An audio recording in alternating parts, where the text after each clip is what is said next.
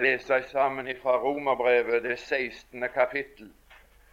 Og vi har lest disse dagene vi har vært sammen her fra det første vers, og vi er kommet til det åttende vers. Og vi fortsetter å lese derifra i Jesu navn. Hils Amplias, min elskede i Herren. Hils Urbanus, vår medarbeider i Kristus og Stakus, min elskede.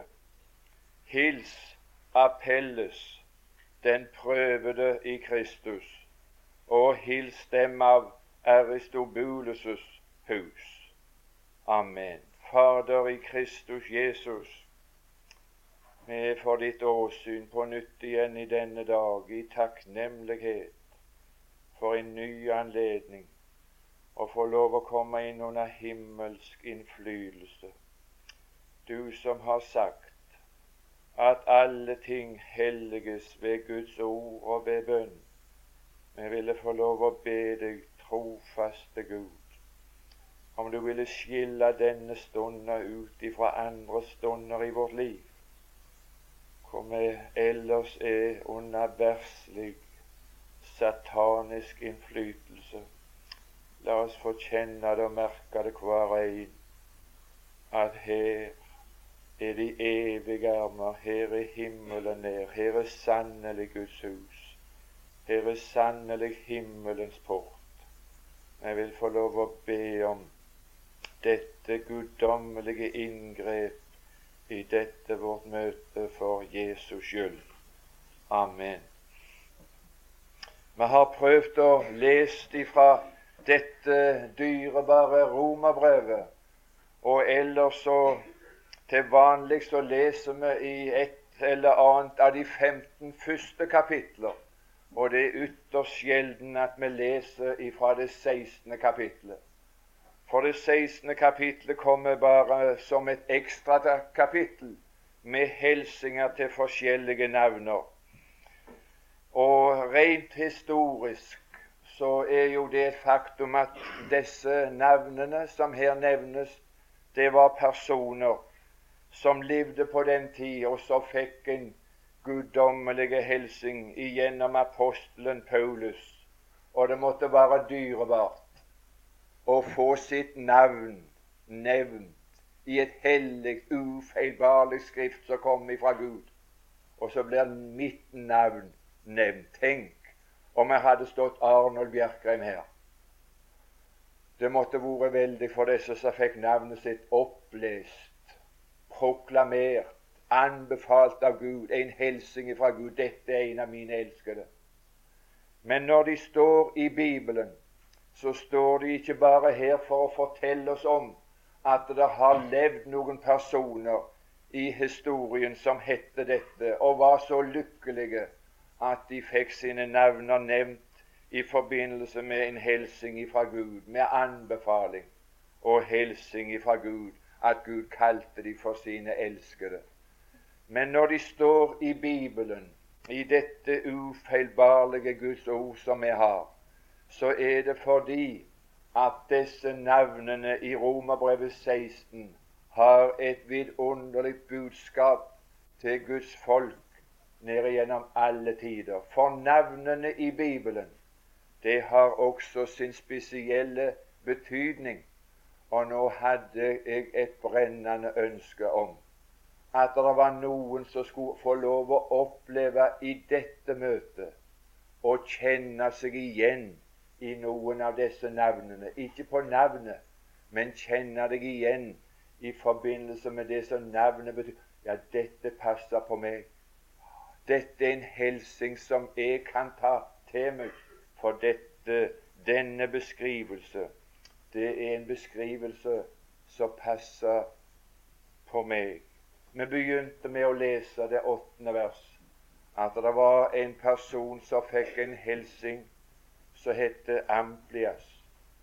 Og jeg har for min del forsøkt i stille stunder å funnet en begrunnelse hva det var som var årsaken til, og hva det var som kvalifiserte disse enkelte den gangen til å få sitt navn nevnt i forbindelse med en hilsing fra Gud. Og så er jeg interessert i å få vite hva er det som kvalifiserer i dag til å få en sånn hilsing fra Gud. Og denne som heter Amplias, som fikk en hilsing Amplias betyr en som forfleirer seg, eller formeirer seg, eller som utbreder seg. Det var en som var en sjelevinner, som fikk en hilsing. Å, du må hilse til de av mine som er sjelevinnere. Får du en hilsing i kveld som en av de som hører Herren til, at du kan ta denne hilsingen til deg for at du er med i et sjelevinnerarbeid. Hils Amplias. Han er en sjelevinner. Han er en som er bare opptatt av dette å få utbrede evangeliet og vinne flere. At vi får flere med. Det er så snublende nær for oss å bli så selvopptatt at vi blir bare opptatt med at jeg må få en hilsen, at jeg må få frelsesvisshet, at jeg må få en fornyelse, at jeg må leve i et godt forhold til Gud, og at jeg og jeg og jeg Å, men her er det en som får hilsing, som er opptatt med at andre må bli frelst. At andre må bli frelst. Og nå var det et evangelisk møte. Om det skulle kunne lykkes for oss i dette møtet, det er jo et åpent spørsmål. Men de aller fleste av oss som er til stede i dette møtet, vi er mennesker som hører Herren til på grunn av at Herren kalte oss, og så sa vi ja. Så enkelt er forklaringen på at jeg er frelst. Herren kalte meg, og så sa jeg ja, og så hører jeg Herren til. Men som en som hører Herren til, så ønsket Herren at det skulle være en sjelevinner en som skulle utbrede evangeliet til andre som ennå ikke er frelst.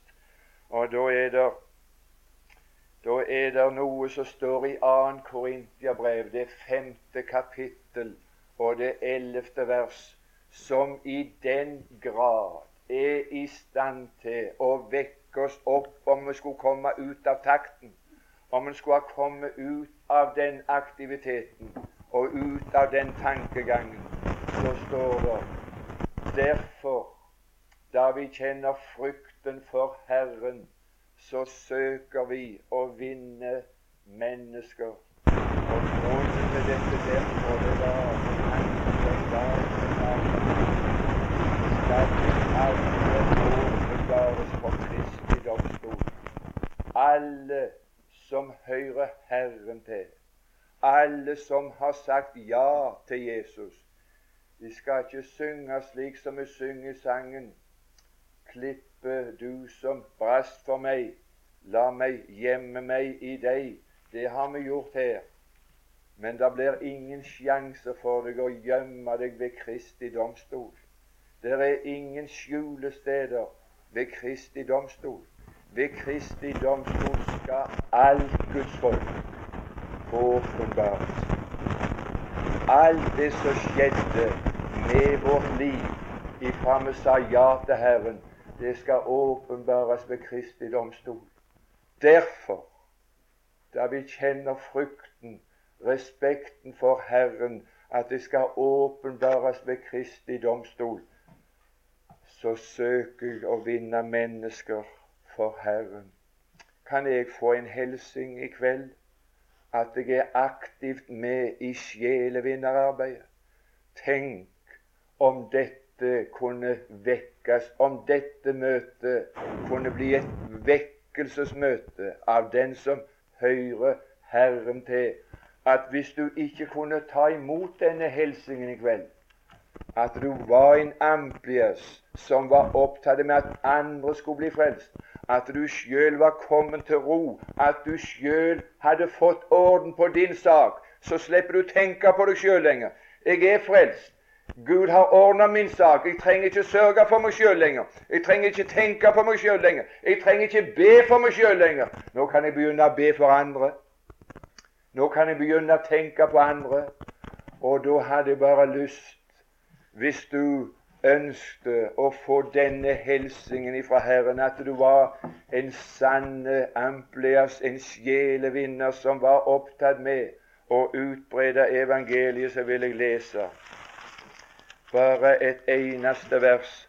For dette med å være på Viken for slike som hører Herren til, det skulle være et utrustningsmøte som skulle istandsette oss til en større og rikere måte til å reise hjem på hver vår plass og være nyttige for Herren i sjelevinnerarbeidet. Og da er det spørsmål om å ha de rette metoder og de rette, den rette framgangsmåte når vi skal søke å vinne mennesker for Herren. For det nytter ikke med oppfinnsomhet. Det nytter ikke med forsøksvirksomhet. Det er ingen forsøksvirksomhet i sjelevinnerarbeid. Det er bare én en eneste ting som nytter i sjelevinnerarbeid. Det er å ha blitt lært av Herren. Jeg vil gjøre deg til en menneskefisker, sa Jesus. Og skal du lære å fiske mennesker, så må mesteren lære deg. Da blir det ikke oppfinnsomhet. Det nytter ikke å reise på sjøen og, og begynne å lære seg sjøl å fiske. Ja, det kan nok gå på et sett og vis, det, å fiske på slump. Men å fiske mennesker og vinne mennesker for himmelen, da nytter det ikke med oppfinnsomhet. Det nytter ikke med nød. Det nytter ikke med at du har nød for de ufrelste. Det nytter ingenting. Det nytter overhodet ikke noen ting med noen ting som jeg og du kan finne på eller prestere. Men i første Korintiabrev, det fjerde kapittel og det femtende vers. Det nytter ikke med, med undervisning heller. Det nytter ikke med lære. Du kan ikke lære mennesker til å bli frelst.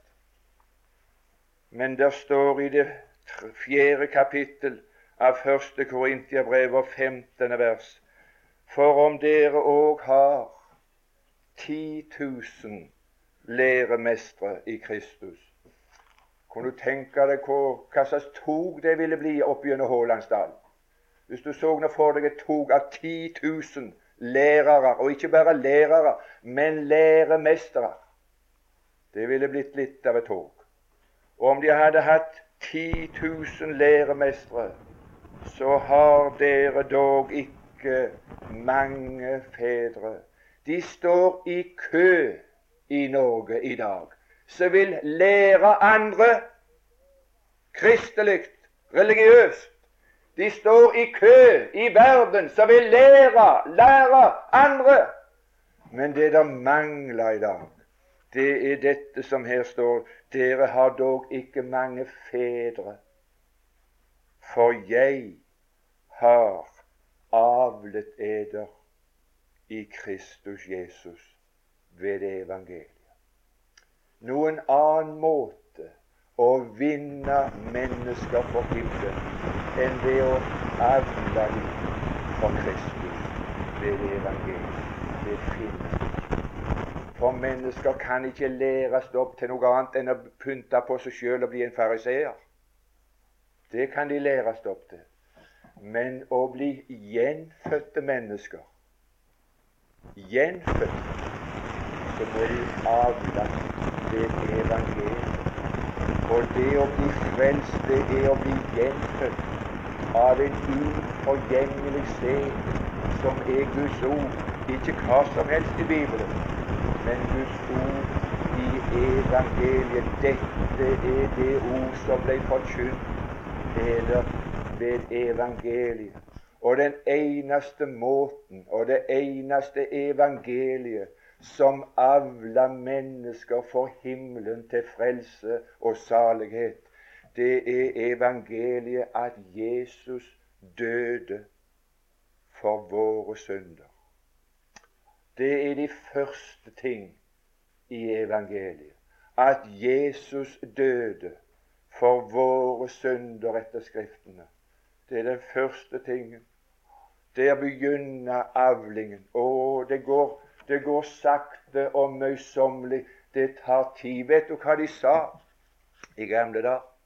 Jeg vet jeg er så gammeldags at det ikke, de sier ikke at den er gammeldags lenger, men nå sier du du er fossile. Altså så gammel.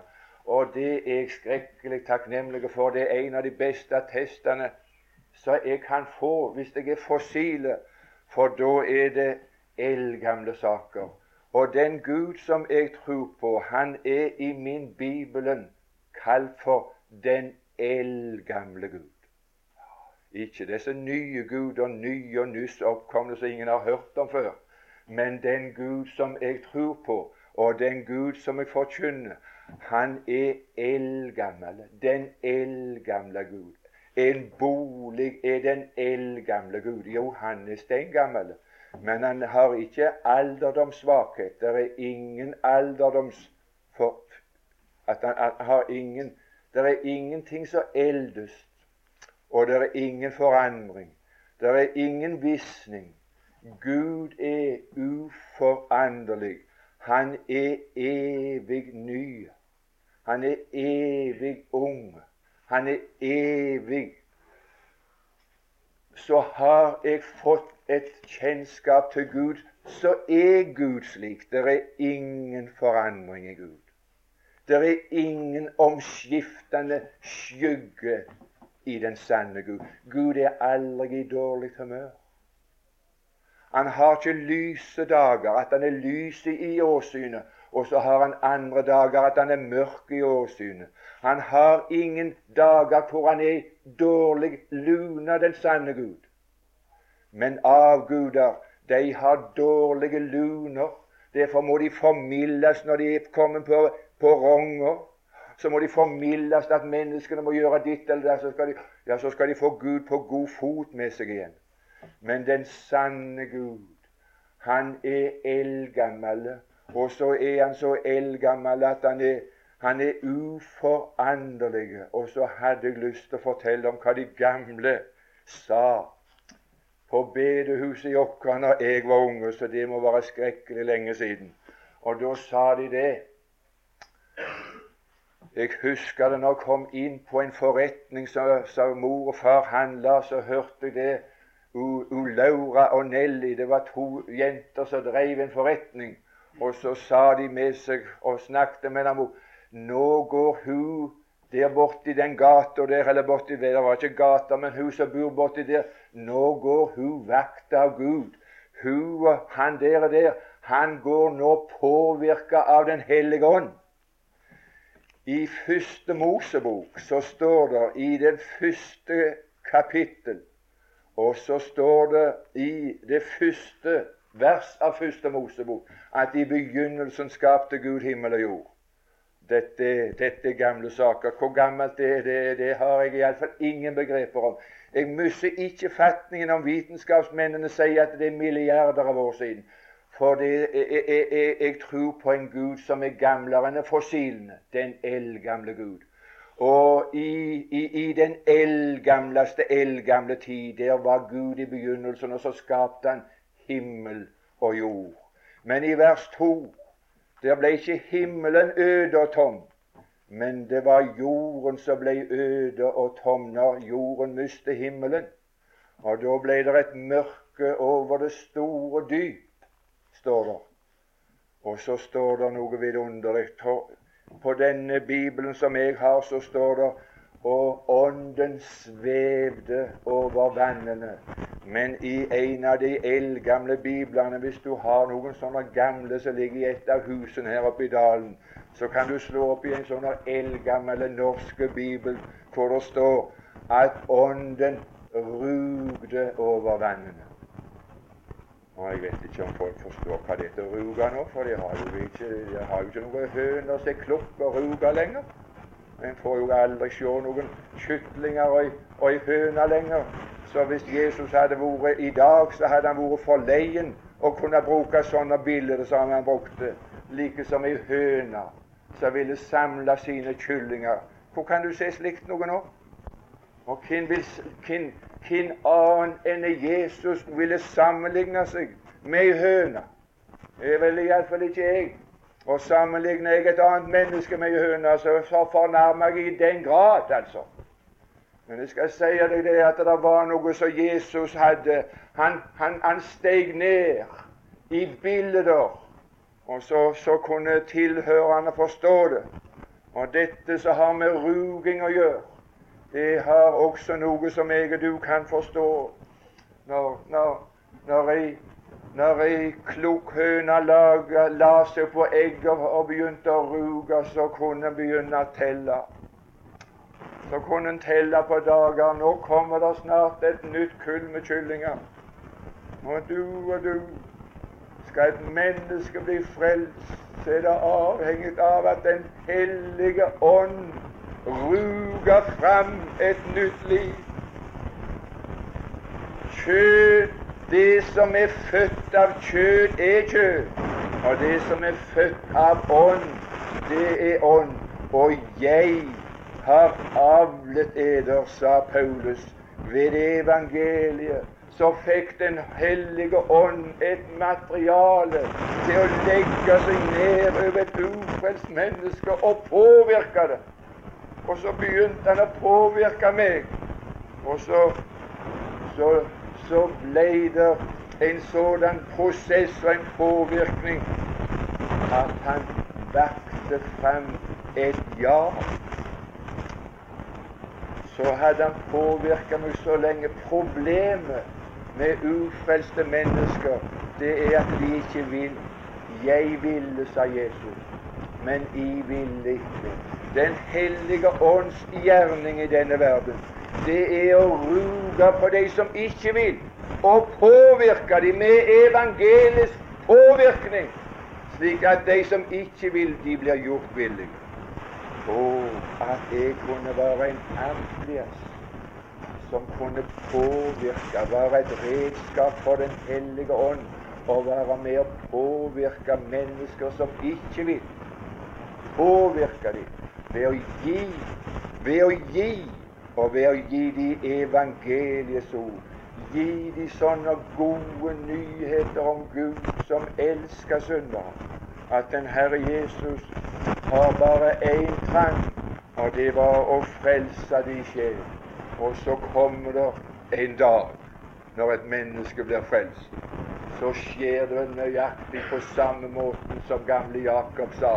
Jakobs hjerte, det var og det forble folk fordi han trodde dem ikke.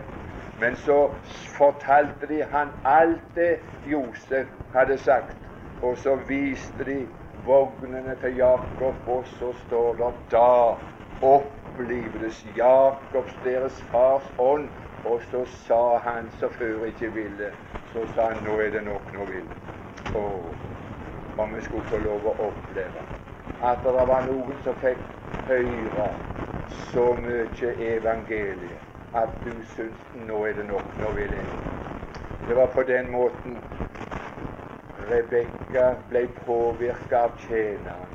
Tjeneren talte til Rebekka om Isak inntil Rebekkas hjerte var så inntatt av Isak som aldri hadde sett, men som bare hadde hørt om under påvirkning av denne tjeneren. Så svarte hun ja, jeg vil jeg vil reise med denne. Og hjertet blir inntatt. Sjelen din. Måtte vi ikke bare være læremestere som ville belære andre, men tenk om vi kunne være slike som alle nye ved evangeliet. Evangeliet. Jeg kan ikke si mer om det, det kan jeg dessverre ikke. Kunne jeg sagt det, så skulle vært min største lyst. Men det sto en annen, når vi kommer til noe mer, så er det et annet navn som blir nevnt. Hils Urbanus. Ja, det er et ord som er begynt å bli nokså mye brukt i våre dager. Det er urbanisering. Det er et ord som betyr Det er jo et fremmedord for oss. Det er ikke et norsk navn og et norsk ord. men det betyr det som har med bymiljø å gjøre, bymessig. Altså det blir en urbanisering over hele landet vårt. Altså at landsbygda blir bymessiggjort. Slik er det det foregår i landet vårt, påstår de, de som har dette språkbruket. Men det var ikke det jeg er interessert i. Men det kom en hilsen til noen mennesker som svarer til dette navnet Urbanus. Er du et bymenneske, du som sitter her, så hører Herren til. Hva var det du kom til når du sa ja til Jesus? Hebreerbrevet det tolvte kapittel. Hebreerbrevet det tolvte kapittel, og der det 22. vers. Men dere er kommet til Sionsberg, den levende Guds stad, det himmelske Jerusalem. Er du klar over, du som sa ja til Jesus, at når du sa ja til Jesus, så ble du et bymenneske? Jeg var jo på Sørlandet før de gjorde disse her store sammenslåingene. Og så var jeg på Flekkerøya. Flekkerøya er jo ei isolert øy utenfor Kristiansand. Så har vært ei landsbygd med, med, med fiskere og bønder. Og det har vært lite bymessig der ute når jeg kom der iallfall. Det var fjos, og det var det var sjøhuser, og det var stuvler, og det var, det var, det var, det var busslag, og det var toflene i gang når du kom, så det, det, det vrimla. Og så, og, så, og så, var husene voldsomt koselige, slik som, som, de da var på den tida. Men så, så hendte det noe altså at Kristiansand ble altså utvida, og så kommer det en gang, og så sa kona der i huset Er du klar over det at du nå bor ikke byfolk, sa hun. Ja, da var det for moro, altså. Ja, det var bare moro. Men altså Flekkerøy hørte til Kristiansand by. De var blitt bymennesker. Men det har skjedd noe mer enn at det var en status de fikk. Miljøet har smitta ut. Men det var ikke det jeg hadde lyst til å fortelle deg om. Men de som har sagt ja til Jesus, kan du få en hilsen ifra himmelen i kveld. At du er et sånt bymenneske, bymenneske som er kommet til det himmelske Jerusalem. Jeg vet nok det, altså, at, det er, at, at, at den som har sagt ja til Jesus, han, han, er på vei til himmelen. Han har tenkt å bo i, i det himmelske Jerusalem, i himmelen, i evigheten, når jeg dør eller når Jesus kommer igjen. Men det var ikke det som sto i Hebreabrevet 12, at vi skulle komme til, til Jerusalem når vi dør. Men der står det at vi allerede er kommet. Vi er kommet til Sionsberg, den levende Guds stad, det himmelske Jerusalem. Det er noe som vi lever i allerede her. Vårt borgersamfunn er i himlene. Vi er altså født der. Vi, vi er innskreven til livet i det himmelske Jerusalem. Mitt navn er skrevet hos Gud i Lammets bok, i livsens bok. Er ditt navn skrevet der? er ditt navn skrevet der, inn i livet, i det himmelske Jerusalem. Og den som er borger der, vet du hva det fører med seg? Jeg har sett iallfall at det å være et bymenneske, det er ikke bare at de har en status, men de får bymanerer, da. Ja, de blir, de, de, de, ja, de blir altså litt uh, annerledes. Ja, de får litt finere manerer og bymessige. Fiffer seg, kler seg annerledes. Og. Ja, altså At i det hele tatt tekker seg og ter seg annerledes enn en landsfolk. Når du kommer til byen og ser landsfolk i byen, så skiller de seg ut. Å, men jeg skal fortelle deg om at det er noen som får hilsing ifra den himmelske Gud i forsamlingen. Så er bymennesker, og så har de fått himmelske manerer. Å, det står noe om at vi skulle vandre verdig for det kall som vi kalte med. Hvorledes er det med vår oppførsel? Skiller vi oss ut? Kan de se på oss at det er noe himmelsk? Noe som passer i det himmelske Jerusalem? Det er noe som særpreger livet i en by som er annerledes enn det er på landet, iallfall har vært før. Og det er i negativ betydning etter min bedømmelse av, av bymiljøet som denne verden. For det er to slags byer omtalt i Bibelen. Det er en by som kalles for Jerusalem, og så er det en by som kalles for Babylon. Og Babylon er ikke bare en historisk by, men det er navn på en form av bekjennelse. Det er en falsk bekjennelse, en, en forsamling ifølge Johannes' åpenbaring. En form for falske bekjennere som kan tilla seg de utroligste ting for livet i Babylon. Skal, jeg, jeg, jeg, kunne ha lyst, men jeg vet altså i stedet for at det blir til hjelp, så er det ofte til å, å, å, å vekke irritasjon. Derfor skal jeg, skal jeg altså unngå å si noe så, så lågt så snublende ned på tunga, og så si om sanger. Du store min. Men Jerusalem er en motsetning til Babylon på det åndelige området. Og altså har vi med en by som Gud bor i. For det som gjorde at Jerusalem var en spesiell by, det var at Gud bor der. Det som gjør Oslo til hovedstad, det er at kongen bor der. Og det at Jerusalem, som vi hører til, der bor kongenes konge og herrenes herre. Og så, og så er det et rent liv. Det er en ren by. Og så er det et liv som særpreges i byen, og det er glede. I Salme 48 og det tolvte verset står det, og det er, det er noe manerer som hører til for den som har sagt ja til Herren, og som er et sånt bymenneske som hører til i det himmelske Jerusalem. Sion gleder seg. Det er et gledesliv i det himmelske Jerusalem. Å, men det er gledelig å være frelst. Det er gledelig å tilhøre og være en innbygger i det himmelske Jerusalem. Det er en glede som er usigelig, og det er en glede som er herliggjort. Og det er en glede som der aldri er blå mandag etterpå. Aldri blå mandag. Men gleden i Babylon ja, Jeg kan ikke klare å prøve å ta på oss og beskrive det. Men det er en etterligning. Det er djevelens etterligning av det sanne. Men jeg, jeg hadde bare lyst å si her er en hilsing til de som, som er sånne bymennesker som hører Gud til å glede seg i Herren. Til tross for omstendighet og alt.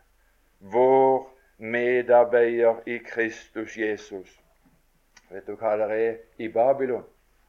Det er mange som arbeider for Gud. De påstår det.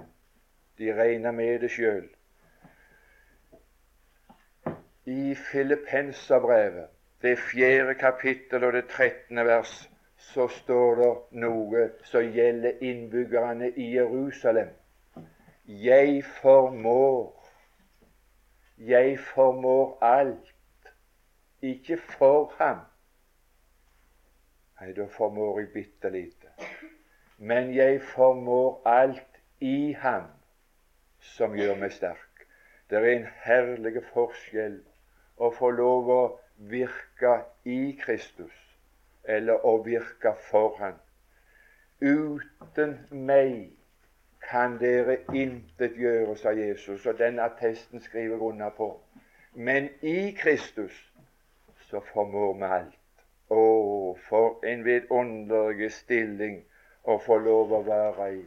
Å få være i en stilling og kunne ikke arbeide for Kristus, men å arbeide i han, å være ikke en arbeider, men en medarbeider. Mer kan jeg ikke si heller om det før en må bare forlate det og så peke på den tredje som jeg leste om, som heter Stakus, min elskede. Og du verden, for en velsignelse at jeg kan kjenne meg igjen, og ikke jeg alene. Men jeg kan få lov å bære fram et budskap om at alle som har sagt ja til Herren, og som har liv i Gud, de er nøyaktig en sånn stakus som her blir kalt for Guds elskede. Navnet hans har tre betydninger. Det er så rikt. Og de tre betydningene de gjelder for oss alle som har sagt ja til Herren. Den første betydningen av ordet den har du i Romerbrevets 11. kapittel og i det 17. vers gitt oss et uttrykk. Det er den måten som vi blir frelste på. Dere er blitt innpodet som en vill kvist i oljetreet. Navnet betyr å bli innpodet. Og så ble vi innpoda i oljetreet, og så fikk jeg del i oljetreets rot og fedme. Å, men jeg har lyst til å hilse deg med at det som jeg og du har fått del med jøder i For jødene var Guds utvalgte folk i Det gamle testamentet like inntil pinsedag og en stund etterpå. Vi har fått del i den oljetrets rot som de ble vokst opp av. Og så har vi fått del i, i fedmen. Men vi har ikke fått del i greinene på oljetreet og i bladene men alt som du kan lese i Det gamle testamentet, og alt som du kan lese som har adresse til jøder, hvis det er fedme i det, hvis det er noe godt i det, ja, så har du del i det. Du har del i, i roten, i opprinnelsen, og så har du fått del med jødene i fedmen. Men alt som det ikke er fedme i, det kan du bare legge til side, og så, så hører det jødefolket til. Men det som det er fedme i, det har vi fått del med jødene i. Og vi er blitt innpoda på den måten i sammen med jødene i Det gamle testamentet at vi bygger på samme grunn. Vi bygger på de samme gamle testamentlige åpenbarelsesskrifter som jødene gjorde. Og så har vi fått del med dem i denne vidunderlige fedmen som det er. Og så er det ikke bare innpoda, men alle som blir frelst, de betyr også at de er en avlegger. Med en gang et menneske sier ja til Jesus, så blir han en avlegger. Det er et nytt eksemplar, et nytt individ. Det er ikke bare på, på et oljetre, men det er en avlegger som vokser opp der borte. Og en der borte. Og så er det nye her og nye der. Og det er ingenting som er så gildt å registrere som når det blir nye avleggere. Og når, når, når, når det kommer inn en ny, i, i, en ny familie Nei, du verden, for noen vidunderlige muligheter for denne stakus som her får en hilsing som er alle like. Han er ikke bare Hans navn betyr ikke bare å bli innpoda og en, også, også bli en avlegger, men det betyr et aks. Den som blir frelst som sier ja til Herren, han har i seg den muligheten å forflere seg, formere seg og bli flere for himmelen enn seg sjøl alene. Det er som et aks, og det er et sånt vidunderlig akt som Gud har sagt som skal bære 30 fold, 60 fold eller 100 fold. Tenk om jeg og du som sitter her, kunne få lov å få formere oss som kristne i 30-fold, i 60-fold og i 100-fold. Jeg kan ikke si mer om det. Jeg vil bare sette deg på sporet. Der er helsinger, og denne helsing er til alle. Har vi sagt ja til Jesus, så er vi blitt innpoda i dette oljetreet her. Og så er vi blitt en avlegger. Vi lever vårt liv med Gud alene, som her var sagt i dag på tomannshånd. Ingen kan leve i sammen med de andre til stadighet. Vi må leve med Gud som en avlegger som blir planta der, og så, så, lever du der, og så lever jeg der. Og så er vi som et aks som vokser opp, og så kan vi formere oss. Å, men det skal bli spennende til vi kommer hjem. Hvor mange det var så det ble av min at jeg sa ja, at jeg ble frelst. Hvor mange som kom til himmelen av at jeg ble frelst.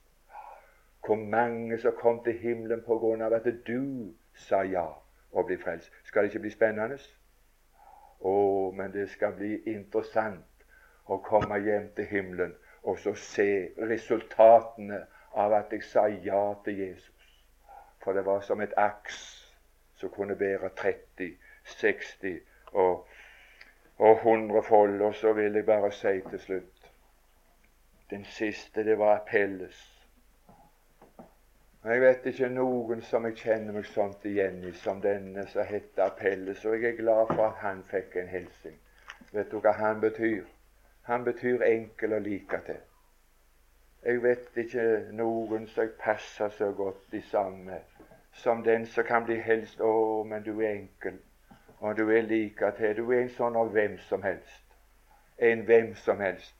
Kom i hu eders kall, brødre, at ikke mange høybårne og ikke mange mektige, ikke mange vise. Det var noen. Men det som var lavt, det som var ingenting, det er ganske alminnelige. Det er ringe. Å, er det ikke godt at sånne blir helst? Å, at det sånne blir kalt. Kom i hu eders kall. Legg merke til eders kall. Og han kaller det som er enkelt, alminnelig, sånn av hvem som helst. Er det ikke godt at vi kan synge med Bibelen som fundament på sangen på 116 Hvem som helst kan bli frelst som til Gud seg vender. Og så er denne forsamlingen stort sett sånne enkle, like til mennesker. Hvem som helst da, som ble frelst fordi vi ble kalt og at frelsen var for, for sånne enkle og like til mennesker. Så ikke verken ja, altså ikke verken var det ene eller det andre. Enkel. Og ikke bare betyr det at han var enkel å like til, men dette er dyrebart, altså. Nå, nå, nå, nå, gir jeg noe av det som er edelsteiner i mitt liv, som jeg har funnet. Om du hadde kommet hjem til meg og så spurt om har, har, har, har du samla mange juveler? Det er jo så på moten å samle på diamanter nå, og, og, smykker og sånt noe greier. Edelsteiner og sølv og gull. Og da hadde jeg sagt ja, jeg har, jeg har et helt skrin fullt. Og det har jeg altså innenfor permene i Bibelen. Det er 66 bøker. Og nå skal jeg ta fram en av de som skinner noe fenomenalt for meg, altså.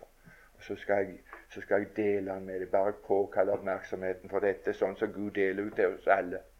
Og han der som får hilsing, som heter Amplias, hans navn betyr På grunn av han var så enkel, på grunn av han var så like til, på at han ikke var vise, ikke var mektig, ikke var så sterkt utrusta, så var han altså så var han lite mottagelig. Altså, han var grunn. Det var grunn i bunnen. Og så var han lite mottagelig. Er noen her så det er lite kommet inn? Å, tenk på alt det som Gud sår over oss. Ausa ut.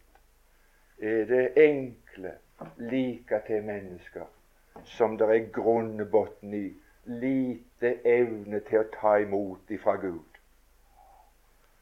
Jeg var på et møte en gang, og så og møtet var slutt. Det var en av de mest solide i forsamlingen. Så sa han jeg må få si et ord til deg, Arnold, før du går igjen. Vet du hvordan det er med meg, sa han.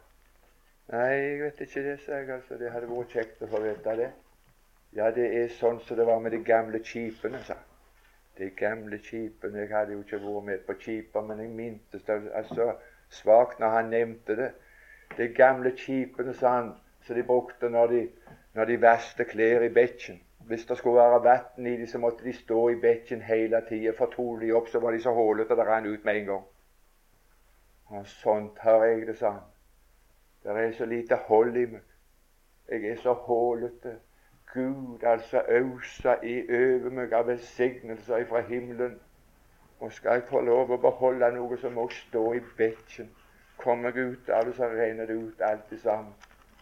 Men så er det slik med oss som det var med denne Amplias.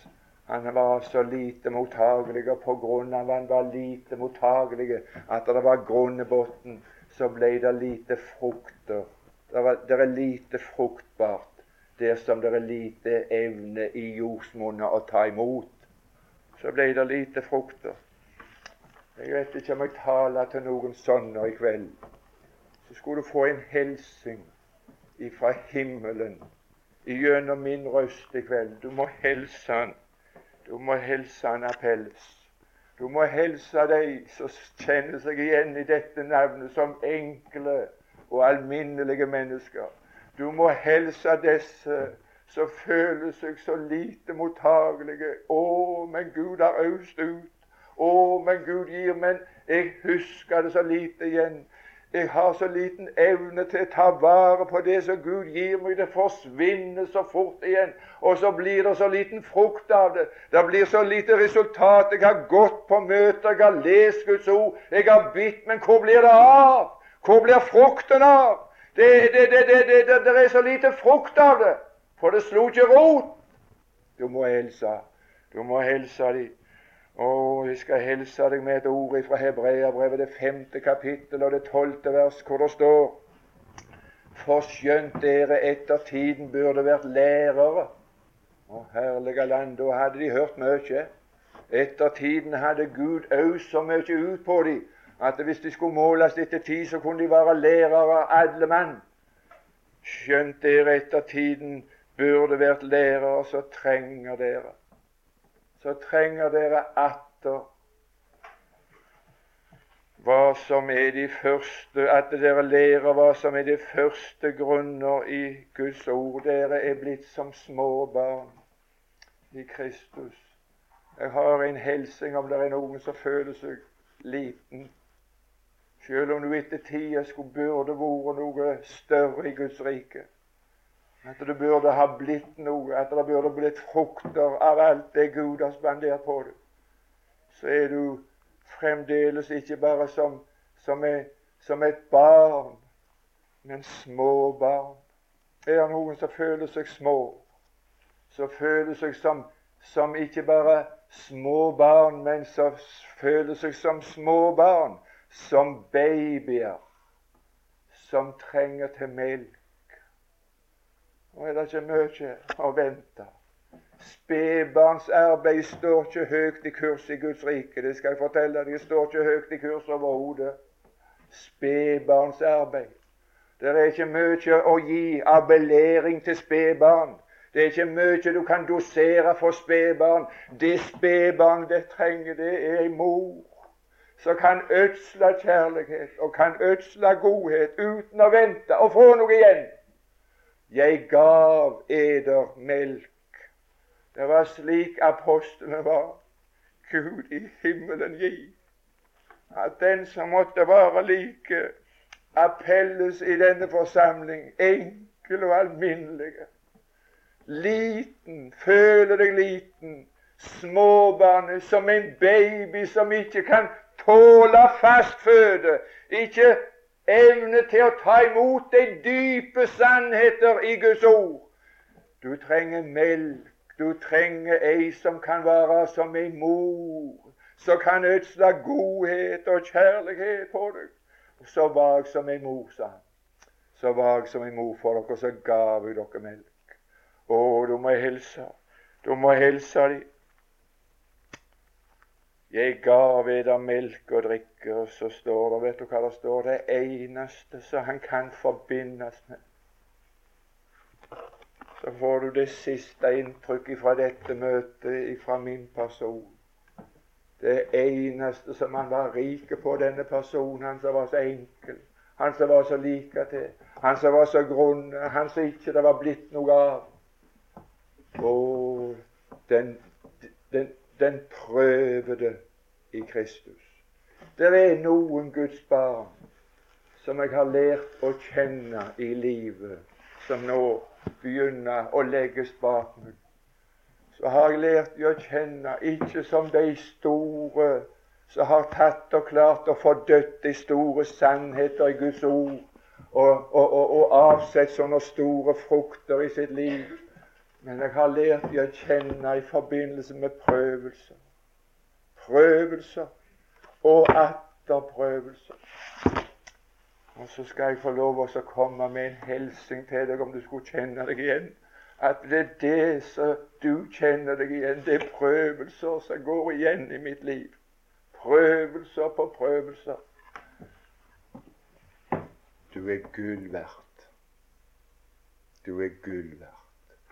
Det er ingen i Bibelen beskreven som er så verdifulle som den som er prø den prøvede tro, som er kosteligere enn det forgjengelige gull. Å, men det er, det er gull i forsamling å ha mennesker som er prøvde i Kristus Jesus. Det er mennesker som du kan stole på. Det er mennesker som du kan lite på. Det er mennesker som er glad i Herren, ikke på grunn av medgang i livet, men på grunn av at Herren er funnet såre stor i trengslene. Og det er noen som ikke kan vise til store frukter. De kan bare vise til prøvelser, prøvelser og prøvelser. Det er de mest verdifulle i forsamlingen. Din prøvede tro som er kostet. Å, men du er gull Å, men du er verdifull. Og du må helse dem. Og du må helse dem fra himmelens Gud. Hils disse enkle, alminnelige menneskene. Lite mottagelige, lite fruktbare. Bare kjent med prøvelser i livet. Å, de er gull verdt. Det er gullmennesker i forsamlingen. Og er du ennå utenfor samfunnet med Herren, så sier jeg igjen legg merke til kallet. Å, han kaller deg nå som han kalte deg før, og banker på hjertets tillukkede dør. Lukk opp. Det er du som må lukke opp. Du skal slippe å banke på hos Herren, for det er ikke stengt. Å, han har venta lenge på det. Å, han har venta lenge på det. Å, mon han komme nå. Mon hun komme nå. Å, hvilken salig dag du fikk om du begynte nå, Herre Jesus. La din ånd få lov å virke imellom oss, Herre. Alt det som hemmer, kjenner jo du. Ta det, og Jesus, og gjør det til ditt. Amen.